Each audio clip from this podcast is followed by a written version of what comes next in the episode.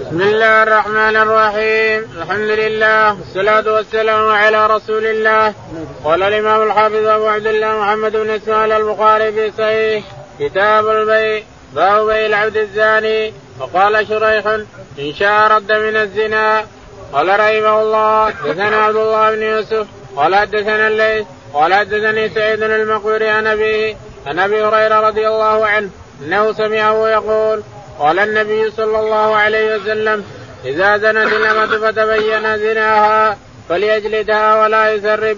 ثم إن زنت فليجلدها ولا يسرب. ثم إن زنت الثالثة فليبيعها ولو بحبل من شعر. بسم الله الرحمن الرحيم. الحمد لله رب العالمين. صلى الله على نبينا محمد وعلى آله وصحبه أجمعين. يقول الإمام البخاري رحمه الله في صحيحه ونحن لا نزال في البيوع في آخر البيوع. يقول رحمه الله باب الزنا باب بيع الزاني. هل يصح البيع؟ تقول لا باطل. بيع الزاني باطل.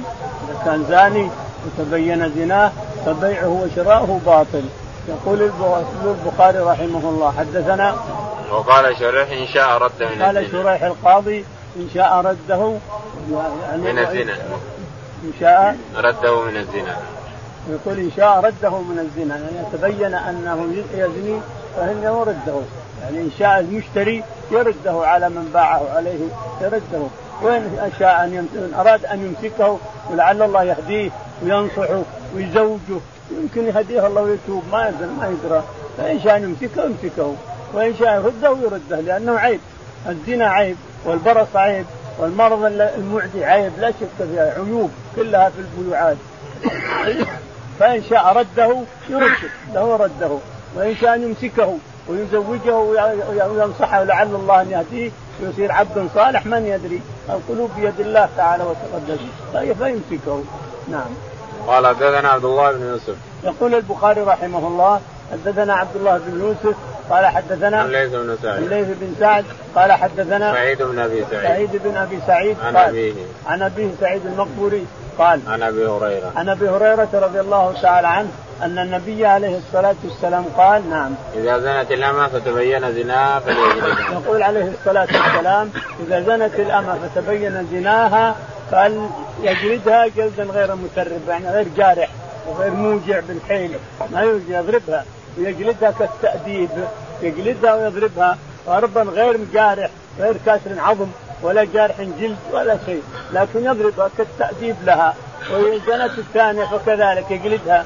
وإن زنت الثالثة فليبيعها ولو بحبل ولو بحبل حبل بيعها ولو بحبل الإنسان. بيعها يمكن يشتريها إنسان يجعل الله له فيها البركة ويتزوجها أو يتسررها ويمكن تتوب.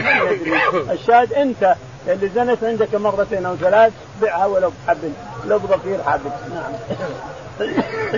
قال رحمه الله دثنا إسماعيل قال حدثني مالك بن شهاب عن عبيد الله بن عبد الله عن أبي هريرة وزيد بن خالد رضي الله عنهما أن رسول الله صلى الله عليه وسلم سئل عن الأمة إذا زنت ولم تحسن قال إن زنت فاجلدوها ثم إن زنت فاجلدوها ثم إن زنت فبيعوها ولو بضفير. قال ابن شهاب لا أدري بعد الثالثة أو الرابعة. يقول البخاري رحمه الله حدثنا اسماعيل بن أبي اسماعيل بن أبي ويس قال حدثنا مالك. مالك بن أنس. قال حدثنا ابن شهاب. ابن شهاب الزهري قال عن عبيد الله. عن عبيد الله بن عبد الله قال عن أبي هريرة وزيد بن خالد عن أبي هريرة وزيد بن خالد الجواني أن النبي عليه الصلاة والسلام سئل عن الأمة الزانية وقال بيعها ولو بغفير. إذا زنت الأولى اجلدها. جلد غير مبرح غير جارح ولا كاسر عظم. وإذا زنت الثانية فكذلك والثالثة بيعها ولو بظفير لو حبل شعر لو حبل شعر مظفور بيعها ولو بظفير. يقول الزهري ما أدري قال الثالثة أو الرابعة بيعها ولو حبل حبل ظفير من الشعر نعم. اللي ما يسوى له قرشين باب البيع والشراء مع النساء.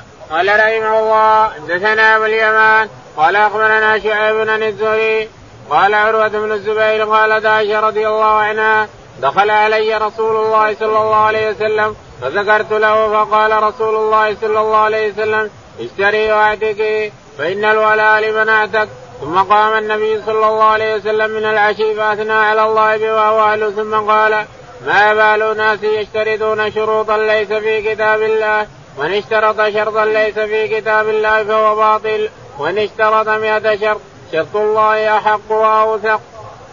يقول البخاري رحمه الله باب الشراء والنساء مع باب الشراء والبيع مع النساء. نعم يشترون الرجال مع النساء والنساء مع الرجال. من آيات الصحابة رضي الله عنهم. ما في شيء. يشتري المرأة من الرجل ويشتري الرجل من المرأة ما في شيء إلى إلى الأبد. لأنها الصحابيات يشترين ويبيعن مع الرجال.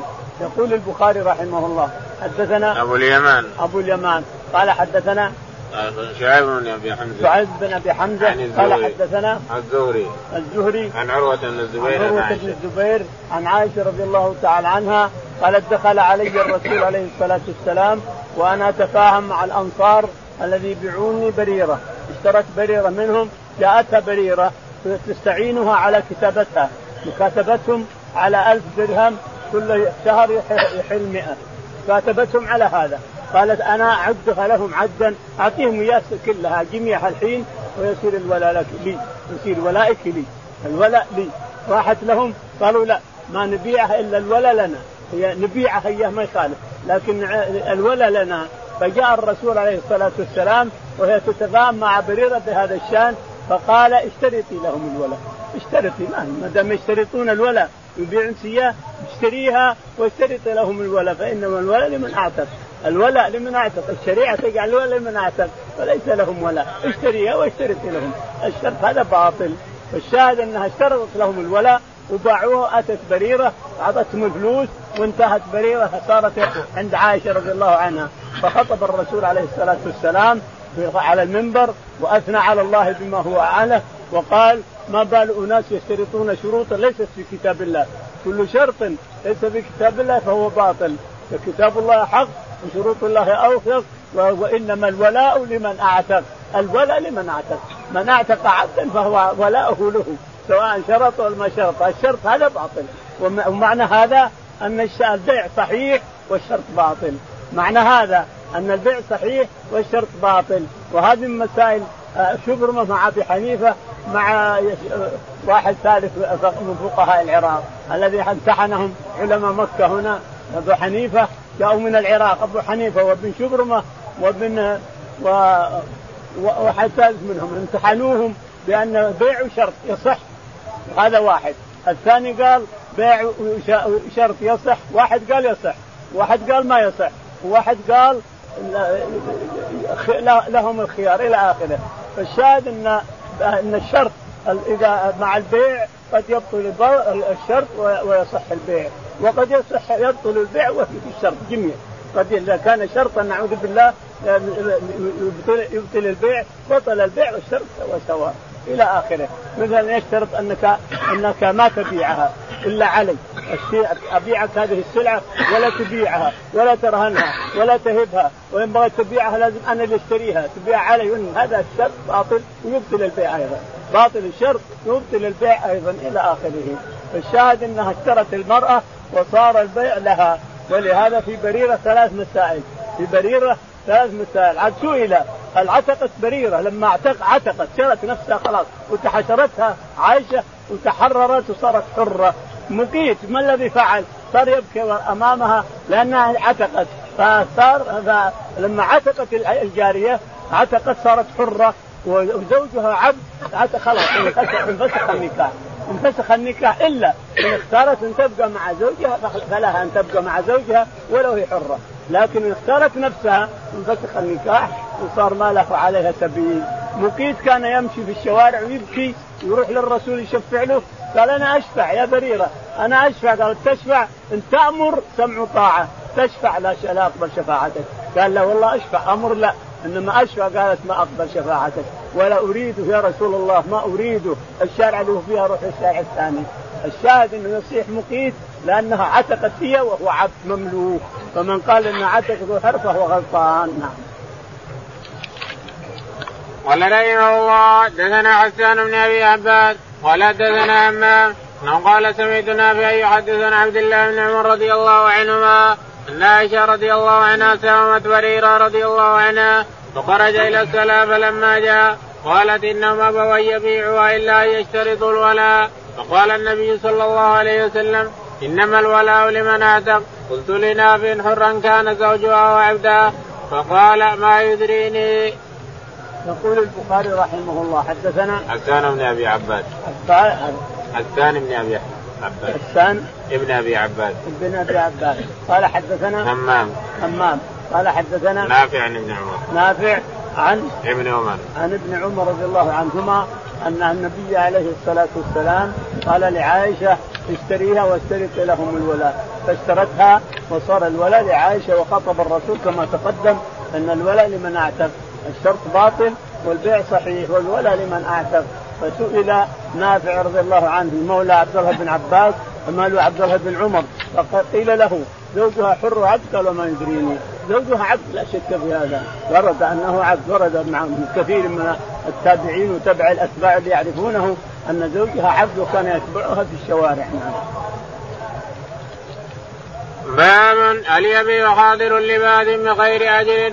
وهل يعينه أو ينسه؟ وقال النبي صلى الله عليه وسلم إذا استنصح أحدكم أخاه فلينصح له. ورقص فيه عطاء.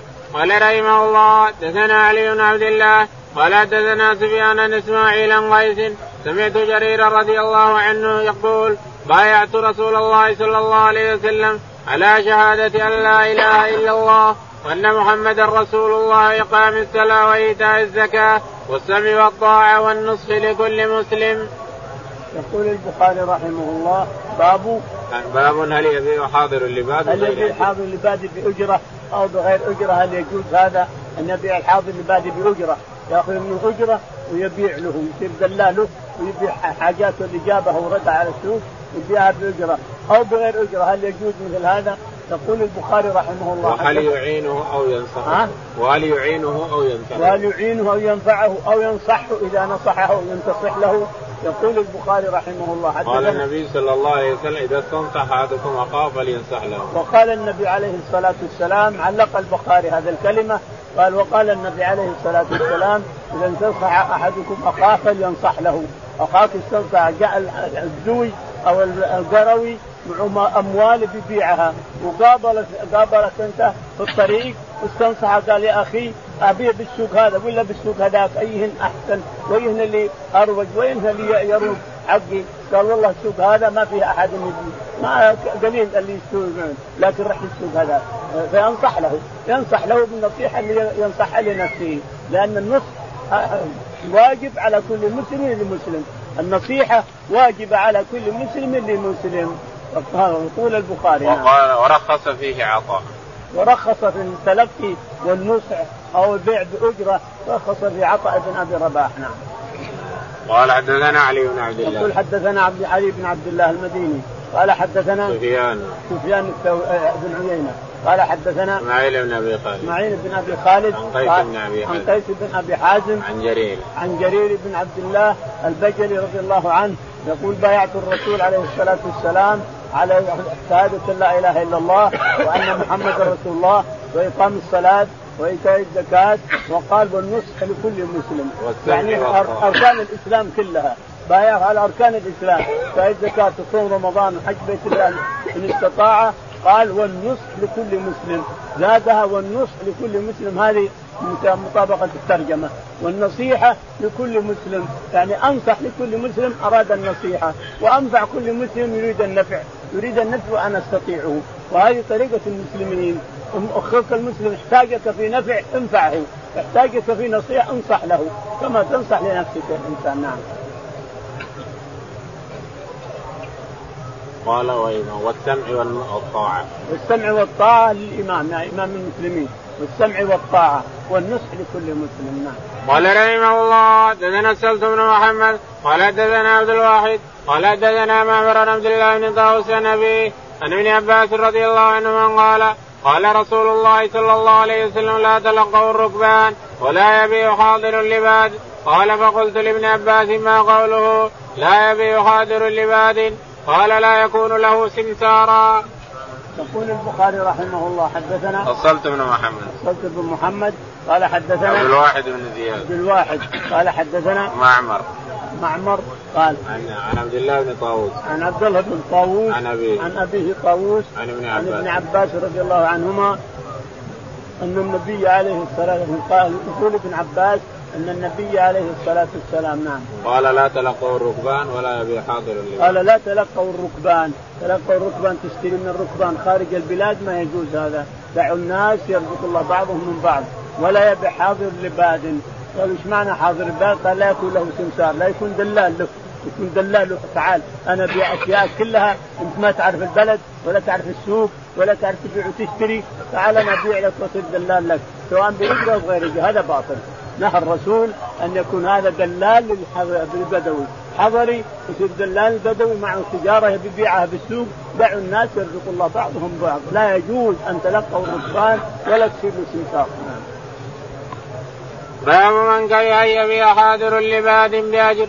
قال رحمه الله دثنا عبد الله بن السباح قال حدثنا أبو علي الحنفي عن عبد الرحمن بن عبد الله بن دينار قال حدثني أبي عن عبد الله بن عمر رضي الله عنهما قال نهانا رسول الله صلى الله عليه وسلم أن يبيع حاضر اللباد وبه قال ابن عباس يقول البخاري رحمه الله حدثنا باب من كره أن يبيع حاضر باب من اللباد كره أن يبيع حاضر اللباد بأجرة أو بغير أجرة هو محرم. يعني. منهي عنه بأجرة لكن هنا كرهه بأجرة. حتى بغير أجرة النهي موجود. لا يبيع حاضر لباد ولا قال بأجرة ولا بغير أجرة. النهي واحد بأجرة وبغير أجرة. يقول البخاري رحمه الله حدثنا عبد الله بن السباح. عبد الله بن الصباح قال حدثنا أبو علي الحنفي أبو علي الحنفي. قال حدثنا عبد الرحمن بن عبد الله بن عبد الرحمن دينار. بن عبد الله. قال عن أبي عبد الله بن دينار. عن أبي عبد الله بن دينار. عن ابن عمر. عن ابن عمر رضي الله عنهما أن النبي عليه الصلاة والسلام قال نعم. نهى أن يبيع حاضر اللباس نهى نهى رسول الله عليه الصلاة والسلام أن يبيع حاضر لباد سواء بأجرة أو بغير أجرة. نهى. والنهي يقتضي الفساد. يعني باطل البيع. بيع حاضر لباد باطل. تجي انت الحضري يقول أنا ابي لك سمسار أو دلال تعال أنا أبيع لك هذا نهي. باطل البيع باطل. والاتفاق بينهما باطل أيضا نعم. قال قاله ابن عباس وبه قال ابن عباس. وبه قال ابن عباس أنه يرى أنه باطل. وكذلك ابن عمر يرى أنه باطل. وعطاء ابن أبي رباح يرى أنه باطل. لا شك في هذا لأن النهي يقتضي الفساد والفساد بطلانه. نعم. باب لا يبيع حاضر اللباد بالسمسرة وكره ابن سيرين وإبراهيم للبائع والمشتري. وقال إبراهيم إن العرب تقول بع لي ثوبا وهي تعني الشراء. قال رحمه الله دثنا المكي بن إبراهيم قال أخبرني ابن جريج عن ابن شهاب عن سعيد بن المسيب أنه سمع أبا هريرة رضي الله عنه يقول قال رسول الله صلى الله عليه وسلم لا يبتاع المرء على بيع أخيه. ولا تناجشوا ولا يبيع حاضر اللباد. يقول البخاري رحمه الله حدثنا باب لا يبيع حاضر اللباد باب لا يبيع حاضر لباد بالتمسرة. يعني عنه؟ والنهي يقتضي الفساد كما تقدم. وكره ابن سيرين وكره وإبراهيم ابن سيرين كما كرهه السابقون الأولين. وإبراهيم بن يزيد. وإبراهيم بن يزيد النخعي للبائع والمشتري. للبائع والمشتري يعني السمسرة هذه والبيع لها الحاضر لباد يعني يشتري الحاضر من البادي. هذا المعنى. الحاضر يشتري يقول بعني اللي معك فلان بعني اللي معك بيعك من. يعني اشتر لي الأشياء هذه اشتر أشتريها منك ولا أنت فلان؟ اشتر اشتر لي بيع لي بيع لي من فلان بن فلان. يعني اشتري من فلان من ثوب أو اشتري من فلان سيارة أو اشتري لي شنطة من فلان. بعني يعني اشتري لي. هذا العرب تقول بعني يعني اشتري لي. ولهذا ورد في القرآن في قصة يوسف وإخوته أنهم شروه بثمن يعني باعوه. شروه فالكلمات كلها متبادلة بين الناس بين العرب نعم. قال حدثنا المكي بن إبراهيم. يقول حدثنا يقول البخاري رحمه الله حدثنا المكي بن إبراهيم قال حدثنا ابن جريج. ابن جريج عن ابن شهاب. عن ابن شهاب عن سعيد بن عن المسيب سعيد بن المسيب عن أبي عن هريره أبي هريرة رضي الله عنه أن النبي عليه الصلاة والسلام نهى نعم. قال لا يبتاع المرء على بيع أخيه. قال لا يبتاع المرء على بيع أخيه فسرنا هذا في الليلة الماضية وقال ولا وان تناجش. إنسان شرى حاجة تجي تقول لا بشتريها أنا بكذا وكذا. يعني تفسخ البيع من فلان تشتريها أنت هذا حرام نعم. ولا تناجشوا. ولا تناجشوا. يزيد الإنسان بغير الشراء. لا يريد الشراء إنما يبي يضر هذا أو بينفع هذا نعم. قال ولا يبيع حاضر اللباس ولا يبيع حاضر لباد يعني لا يشتري حاضر من باد. لا يبيع حاضر من باد البيع عن الشراء بمعنى الشراء. لا يشتري حاضر من باد يعني يشتري له أشياء كلها علشان يبيعها بالسوق. نعم. قال رحمه الله دثنا محمد بن المثنى قال دثنا معاذ قال دثنا ابن عون محمد أنه قال قال أنس بن مالك رضي الله عنه نهينا أن يبيع حاضر اللباد يقول البخاري رحمه الله حدثنا محمد بن المثنى. محمد بن المثنى الزمن.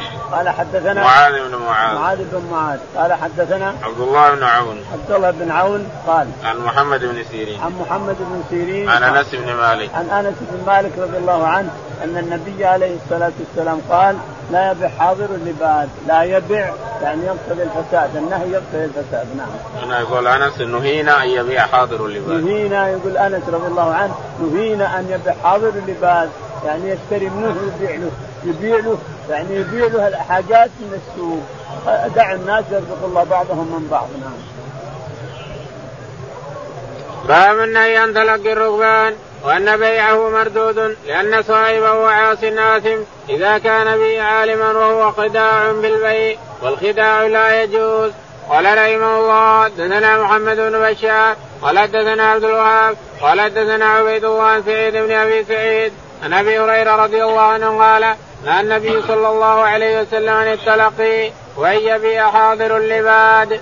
يقول البخاري رحمه الله باب النهي عن تلقي الركبان. باب النهي عن تلقي الركبان. وأن بيعه مردود. وأن البيع باطل ومردود لأن صاحبه عاص آثم. لأن فاعل هذه سواء البائع أو المشتري عاص وآثم. يعني يتلقى الركبان ثم نشتري اللي معهم كله. نشتري اللي معهم المشترى هذا الشراء هذا باطل كله. فكله باطل.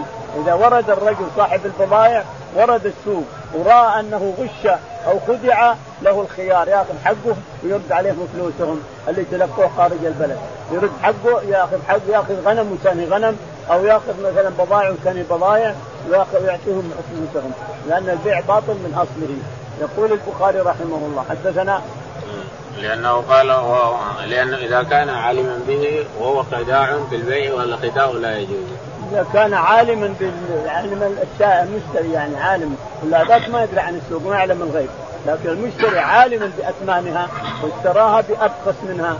فدعوا الناس يرزق الله بعضهم من بعض. فقد خدع الرجل وغشه. فالخداع باطل بين المسلمين وحرام والغش كذلك باطل وحرام بين المسلمين. نعم. قال حدثنا محمد بن بشار. يقول حدثنا محمد بن بشار. قال حدثنا عبد الوهاب الثقفي. عبد الوهاب الثقفي. قال حدثنا عبيد الله العمري. عبيد الله العمري. عن قال سعيد بن أبي سعيد. عن سعيد بن أبي سعيد. عن أبي هريرة. عن أبي هريرة رضي الله تعالى عنه أن النبي عليه الصلاة والسلام نهى, نهى عن تلقي الركبان. نهى عن تلقي الركبان وأن يبيع حاضر وأن يبيع حاضر لباد نهى عن التلقي وأن يشتري اللي معه كله ثم ياتيه بالسوق لما يرد الرجل الذي باع ما معه على هذا الشخص وجد أن السوق غالي وأنه باع حقه ببخس على الشخص هذا فهو بالخيار يرد عليه غنمه أو سيارته ثاني سيارات أو بضائع ثاني بضائع يردها عليه ويرد على هذا عليه فلوسه لأن البيع باطل من أصله. ولا يحل ولا يجوز بين المسلمين الخداع والغش والمكر. قال ولا يتلقى الركبان ولا يبيع حاضر لبادي. ما يصير حاضر يشتري لبادي يصير سمسارا للبادي يبيع ويشتري للبادي دعه. فإن الله يرزق بعضهم ببعض يرزق الناس بعضهم من بعض. نعم. قال رحمه الله دثني عياش بن الوليد. قال دثنا عبد الأعلى قال دثنا معمر عن ابن طاووس النبي أنه قال سألت ابن عباس رضي الله عنهما ما معنى قوله لا يبيعن حاضر اللباس فقال لا يكن له سمسارا.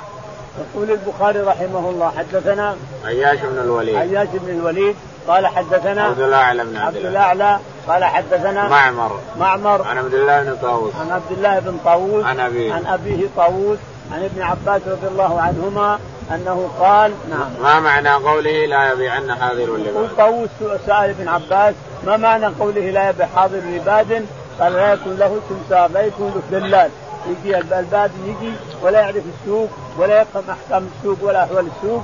يجي هذا يقول أنا بصير لك دلال ويصير السمسار وأبي حقك دعوا الناس يرزق الله بعضهم بعض. لا يجوز يصير له دلال ولا يجوز يصير سمسار الحضري هذا لا يجوز يصير سمسار للبدو. نعم. قال رحمه الله حدثنا مسدد قال حدثنا يزيد بن قال حدثني التيمي عن أبي عثمان عن عبد الله رضي الله عنه قال من اشترى محفلة فليردها مع صاعا قال وأنا النبي صلى الله عليه وسلم تلقي البيوع. يقول البخاري رحمه الله حدثنا مسدد. مسدد.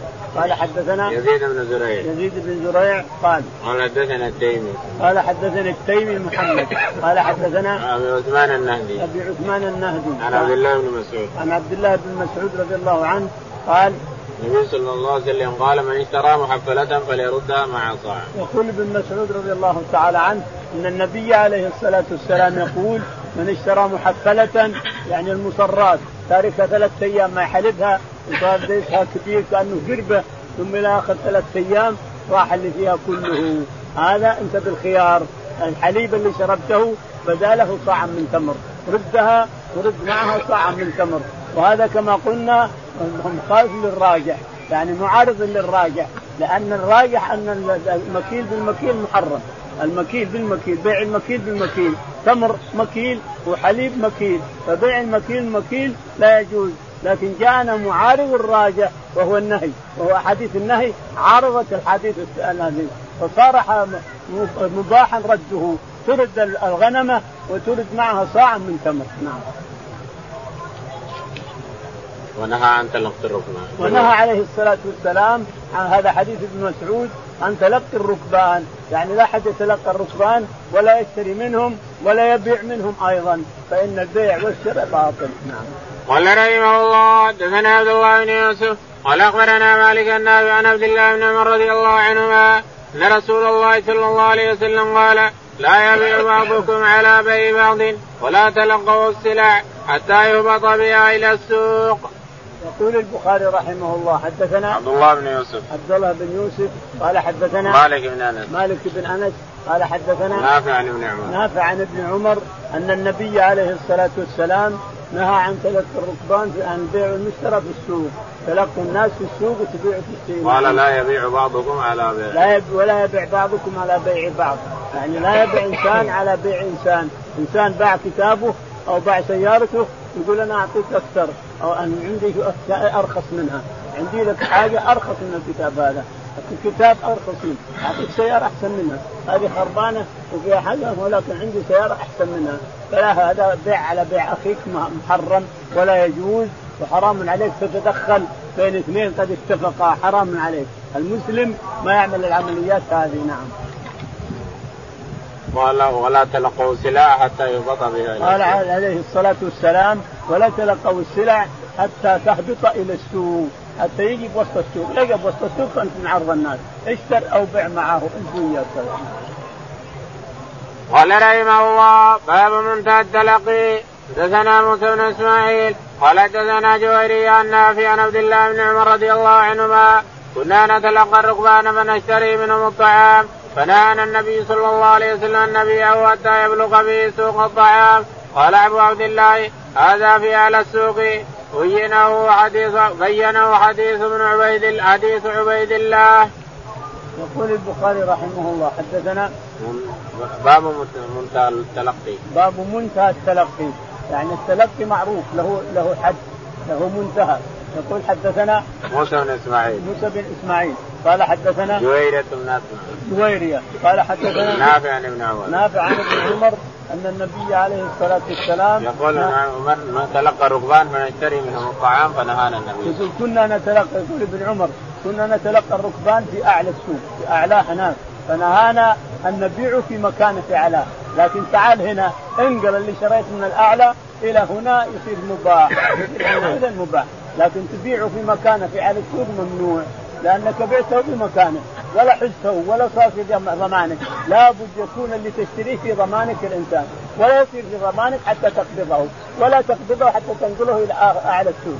انت اشتريته في ادناه انقله إلى أعلى السوق. إذا كان السوق قصير تنقله من أعلاه إلى أسفله إلى هنا. فيصير في ضمانك حينئذ ويجوز أن تبيعه، أما تبيعه في المكان اللي تشتري منه هو ممنوع لأنه ما دخل في ضمانك ولا دخل في خراجك إلى الآن، ممنوع البيع هذا حتى تقبضه، نعم. قال أبو عبد الله هذا في اعلى السوق يبينه حديث عبيد الله. يقول يبينه لأن هذا في اعلى السوق. يعني إذا باع بأعلى السوق لازم ينقله إلى أسفل السوق. بينه عبيد الله رضي الله عنه نعم. قال رحمه الله حدثنا مسدد قال حدثنا يحيى عن عبيد الله قال حدثني نافع عن عبد الله بن عمر رضي الله عنهما قال كانوا يبتاعون الطعام في اعلى السوق فيبيعونه في مكان فنهاهم رسول الله صلى الله عليه وسلم أن يبيعوا في مكانه حتى ينقلوه. يقول البخاري رحمه الله حدثنا مسدد مسدد قال حدثنا يحيى بن سعيد. يحيى بن سعيد القطان قال حدثنا عبيد الله بن عمر. عبيد الله بن عمر قال عن نافع عن ابن عمر. عن نافع عن ابن عمر أن النبي عليه الصلاة والسلام نهى عن قال ابن عمر كانوا يبتاعون الطعام في كانوا يبتاعون الطعام في اعلى السوق فنهوا أن يبيعوه في مكان ويبيعوه في مكانه في اعلى السوق فنهاهم. اشترط شروطا في البيع لا تحل قال رحمه الله حدثنا عبد الله بن يوسف قال أخبرنا مالك بن هشام عروان ابيه عن عائشة رضي الله عنها قالت جاءت بريرة رضي الله عنها فقالت كاتبت أهلي على تسع اواق في كل عام وقية؟ فأعينيني فقلت إن أحب إن أحب أهلك أن اعدها لهم ويكون الولاء لي. ففعلت فذهبت فذهبت بريرة إلى أهلها فقالت لهم فأبوا عليها فجاءت من عندهم ورسول الله صلى الله عليه وسلم جالس فقالت إني قد أردت ذلك عليهم فأبوا إلا أن يكون الولاء لهم. فسمع النبي صلى الله عليه وسلم فأخبرت عائشة النبي صلى الله عليه وسلم فقال خذيها واشترطي لهم الولاء فإنما الولاء لمن اتك ففعلت عائشة ثم قام رسول الله صلى الله عليه وسلم في الناس فحمد الله وأثنى عليه ثم قال أما بعد ما بال رجال يشترطون شروطا ليست في كتاب الله؟ ما كان من شرط ليس في كتاب الله فهو باطل. وإن كان مئة شرط فقضاء الله حق شرط الله أوثق وإنما الولاء لمن اعتق. يقول البخاري رحمه الله حدثنا باب إذا اشترط شروطا في البيع لا تحل. باب إذا اشترط شروطا في البيع لا تحل يعني باطلة تبطل إذا اشترط شروط في البيع ليست في كتاب الله فهي باطلة لا شك في هذا. يقول البخاري رحمه الله حدثنا عبد الله بن يوسف عبد الله بن يوسف قال حدثنا مالك مالك قال حدثنا هشام بن عروة. هشام بن عروة. عن أبيه. عن أبيه عروة بن الزبير. عن عائشة رضي الله تعالى عنها أن بريرة أتتها وبريرة كما علمتم سابقا أن لها ثلاث مسائل أو ثلاث حكم في الشريعة. بريرة لها ثلاث حكم. منها أنها عتقت تحت عبد ومنها أنها جاءت بلحم تصدق عليها وصار هدية للرسول وأهل بيته. ومنها أنها الولاء. الولاء. ومنها أن الولاء لمن أعتق. أن الولاء لمن أعتق. ثلاث مسائل في الشريعة الإسلامية جاءت بها جاءت بها بريره رضي الله عنها. الشاهد يقول البخاري رحمه الله حدثنا عبد الله بن يوسف. عبد الله بن يوسف قال حدثنا مالك قال حدثنا هشام بن عروة. هشام بن عروة عن أبيه. عن أبيه عروة بن الزبير عن عائشة. عن عائشة رضي الله تعالى عنها. قالت كان الرسول عليه الصلاة والسلام جالسا وجاءتني بريرة تقول إنها اشترت نفسها من الانصاري اللي يملكها اثنين أو ثلاثة اللي يملكونها لأن صارت في حظهم في السبي. فلما فكاتبتهم على ألف درهم على تسع أواق على ست أواق تسع تسع أواق تسع أواق كل شهر يحل وقية منها. فجاءت إلى عائشة تستعينها. يا عائشة أنا اشتريت نفسي من كاتبتهم الكتابة هي اشتري نفسها مكاتبة. يعني كل شهر يحل شيء. بألف مثلا كل شهر يحل مئة. كل شهر يحل 100 فإذا انتهت الألف كلها انتهت أعتق الرجل خلاص تحرر سواء كان رجل أو امرأة. هذه المكاتبة. وكاتب يعني يتكاتب أنا وياك أني متى ما أديت اللي علي تحررت خلاص صرت ملك. يصير ولاؤه لنفسه. إلا إذا كان اشتراه غيره. الشاهد أنها أتت إلى عائشة رضي الله عنها والنبي عليه الصلاة والسلام جالس فصارت تتفاهم مع عائشة أنها قالت إنهم رفضوا أن يقبلوا إلا إذا كان الولاء لهم. فيقول فقلت فأخبرت الرسول، الرسول جالس عندها في غرفه أخبرت الرسول بقصة بريرة فقال اشتريها واشترتي لهم اشترتي فإن الولاء لمن أعتق إنما الولاء لمن أعتق. تقول عائشة رضي الله عنها فاشتريتها وقام الرسول عليه الصلاة والسلام خطيبا وأثنى على الله ثم أخبر الناس أن الولاء لمن أعتق. ما بال الناس يشترطون شروطا ليست في كتاب الله كل شرط ليس في كتاب الله فهو باطل وإن كان مئة شرط شرط الله كتاب الله حق وشروطه أوثق وإنما الولاء لمن أعتق. الولاء لمن أعتق. قال رحمه الله دثنا عبد الله بن يوسف قال أخبرنا مالك النافع عن عبد الله بن عمر رضي الله عنهما أن عائشة أم المؤمنين رضي الله عنها أرادت أن تشتري جارية فتعتقها فقال أهلها نبيعك على أن ولا لنا فذكرت ذلك لرسول الله صلى الله عليه وسلم فقال لا يمنعك ذلك. وإنما الولاء لمن اعتق.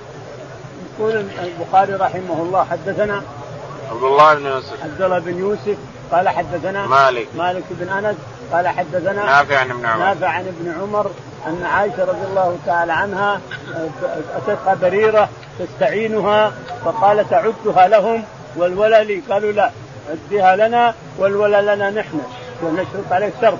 ان الولا لنا فاخبرت الرسول عليه الصلاة والسلام فقال اشتريها واشترط الولاء. الشرط باطل هذا كله باطل. الولي الولاء لك انت. الولاء ما اعتق ثم خطب عليه الصلاة والسلام كما مر وصار الولاء لعائشة رضي الله تعالى عنها وصارت بريرة ملكا لعائشه عتيقة بريرة عتيقة لكنها تخدم عائشة. يعني صار الولاء لعائشة والولاء تعلمونه الولاء إذا اكتسب الإنسان مال إذا اشتريت هذا الرجل شريته واعتقته واكتسب مالا ثم مات. المال لك يا الإنسان لأنك تصير عاصب تصير عاصب كأنك أبوه أو أب أو أخوه أو أبوه. تصير عاصب له من ناحية الولاء، فالولاء عصر لحمة كلحمة النسب لا يباع ولا يوهب، الولاء لحمة لحمة مثل لحمة النسب مثل النسب، فإذا مات الإنسان اللي اعتقته ووراه مال فالمال لك الإنسان، ما يرثه إلا أنت. باب بيع التمر بالتمر. قال رحمه الله دثنا أبو الوليد قال دثنا الليث عن ابن شهاب عن مالك بن أوس أنه سمع عمر رضي الله عنهما عن النبي صلى الله عليه وسلم قال البر بالبر ربا إلا هاوها والشعير بالشعير ربا إلا وهاوها والتمر بالتمر ربا إلا هاوها. يقول البخاري رحمه الله باب الربا. حدثنا أبو الوليد. أبو الوليد.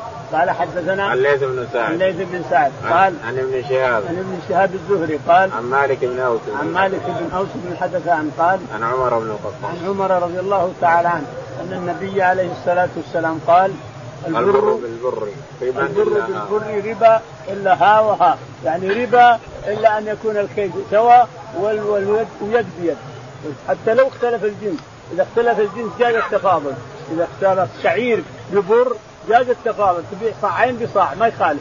لكن لازم يكون يد بيد. أنا أقبض البر وأنت تقبض الشعير الانسان وكذلك التمر وأنت تقبض التمر الثاني اللي مثله أو ادى منه.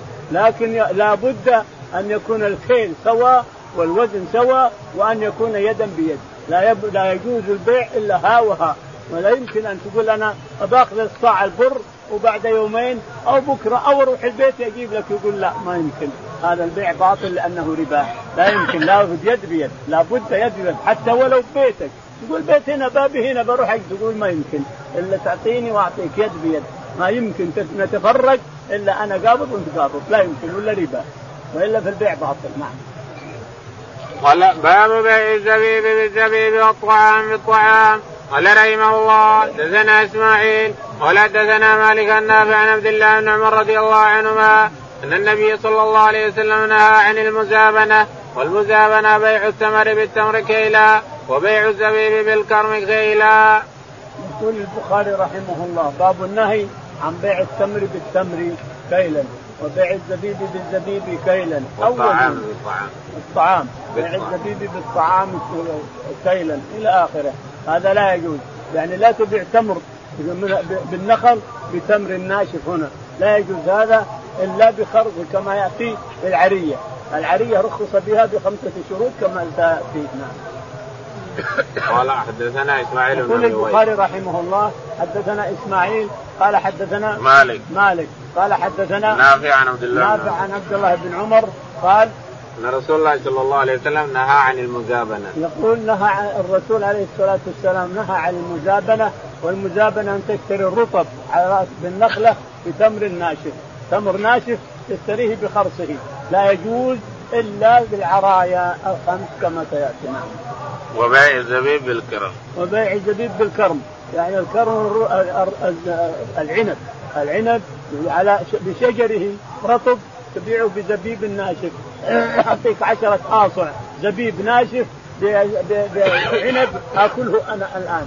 هذا لا يجوز إلا في مسألة العراية كما مر مع إن العنب ما في عراية.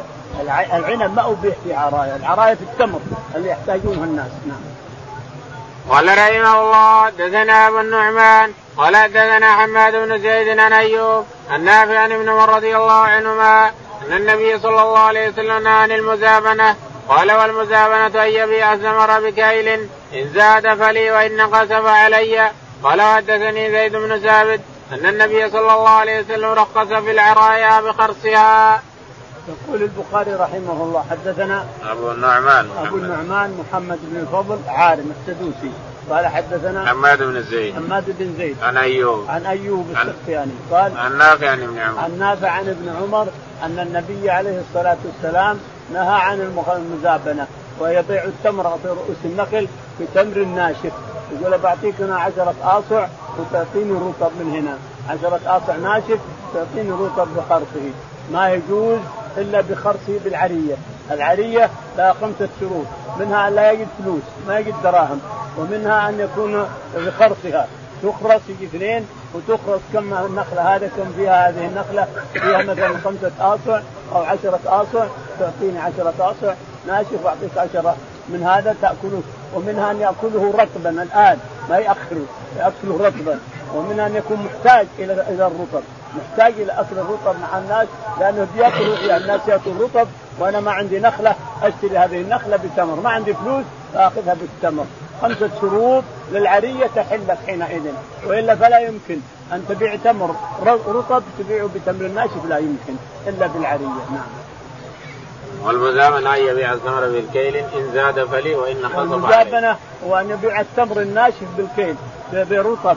إن زاد أو نقص ان زاد فلي وإن نقص فلك. إلى آخره. هذا برضه غش وجهالة وغرض لا يجوز. نعم. قال حدثني زيد بن ثابت. يقول حدثني زيد بن ثابت عن النبي صلى الله عليه وسلم رخص في العرايا حدثني زيد بن ثابت أن النبي عليه الصلاة والسلام رخص في العرايا لأن ليس له دراهم ما عنده دراهم يشتري يشتري رطب والناس يأكلوا رطب الآن.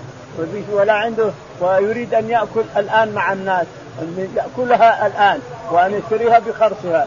ما عنده فلوس ويبيع التمر برطب ولكن بحاجه للرطب فأن يكون بخرصه الآن. خرص كم؟ تعال فلان كم النخله هذه؟ خمسة أصع. أعطيه خمسة أصع من الناشف يعني بخرصها. إذا نشفت خمسة أصع خمسة أصع. وأن يكون في حاجة للرطب وأن يأكله في ساعته في في أيامه هذه يأخذ ويأكل يأخذ ويأكل ما يتركه حتى ينشف. إلى آخره خمس خمسة شروط للعرية لإباحة العرية. نعم.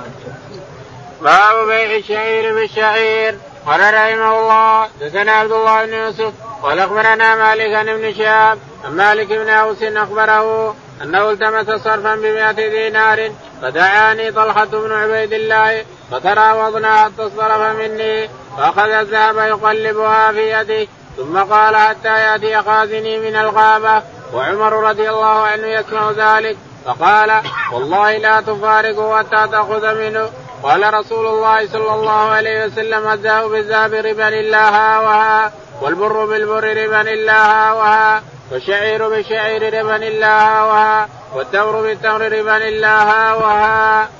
يقول البخاري رحمه الله باب بيع الشعير بالشعير مقابضه تقبض وأنا أقبض. شعير بشعير تقبض وأنا أقبض. اذا كان كيل الكيل صحيح الكيل ما يزيد هذا عن هذا ولا حبة حبة شعير ما يزيد. اذا كلتها تكل هذا تكل هذا ما يزيد. فيجوز بيع الشعير بالشعير إذا كان يد بيد. يقول البخاري رحمه الله حدثنا عبد الله بن يوسف. عبد الله بن يوسف. قال حدثنا مالك. قال حدثنا ابن شهاب. ابن شهاب الزهري. قال عن مالك بن أوس. عن مالك بن أوس عن آه، أنه التمس صرفا ب 100 دينار. أنه صرف صرفا اتخذ صرفا ب 100 دينار فأتى إلى طلحة بن عبيد الله التيمي أحد العشر المشهود له بالجنة. فقال هات ذهبك شوفها فأخذ الذهب طلحة وصار يقلب الذهب بجنيهات. جنيهات ذهب فقال اصبر حتى يأتي خازني من الغابة وأعطيك الدراهم. تبي تصرف يصرفها ذهب بذهب. فقال عمر رضي الله عنه كان عمر جالس ويسمع. قال ليس لك ذلك يا طلحة. لابد أن تحضر الذهب وتأخذه ولا ما لك هذا لا يمكن أن تقضي الذهب والذهب غائب. لا يمكن. لازم وزنا بوزن ويدا بيد. ها وها. فقد سمعت الرسول عليه الصلاة والسلام يقول الذهب بالذهب ربا إلا ها؟ الذهب بالذهب ربا إلا ها وها. يد بيد. تاخذ الذهب هذا واخذ الذهب أنا. والفضة كذلك يدا بيد. تأخذ وآخذ. والشعير بالشعير كيلا بكيل. تأخذ وآخذ. والبر بالبر يدا بيد تاخذ وآخذ إلى آخره. جميع الموزونات والمكيلات حرام إلا يدا بيد وإلا وزنا بوزن. الذهب بالذهب وزن بوزن والبر بالبر وزن بوزن. المكيلات وزنا بوزن ويد بيد. جميع المكيلات والموزونات يدا بيد ووزنا بوزن. لازم ولا ما يحشون المكيل والموزون هو اللي يدخله الربا. المكيل هو اللي يدخله الربا. من جميع أنواع المكيل. والموزون هو اللي يدخله الربا من جميع من الفضة والذهب. لا يجوز إلا يدا بيد ووزنا بوزن ولا ما يصح. يدخله الربا نعم. الله أعلم. اللهم اهدنا فيمن هديت وعافنا فيمن عافيت وتولنا فيمن توليت. اللهم توفنا مسلمين الحقنا بالصالحين رب العالمين. اللهم صل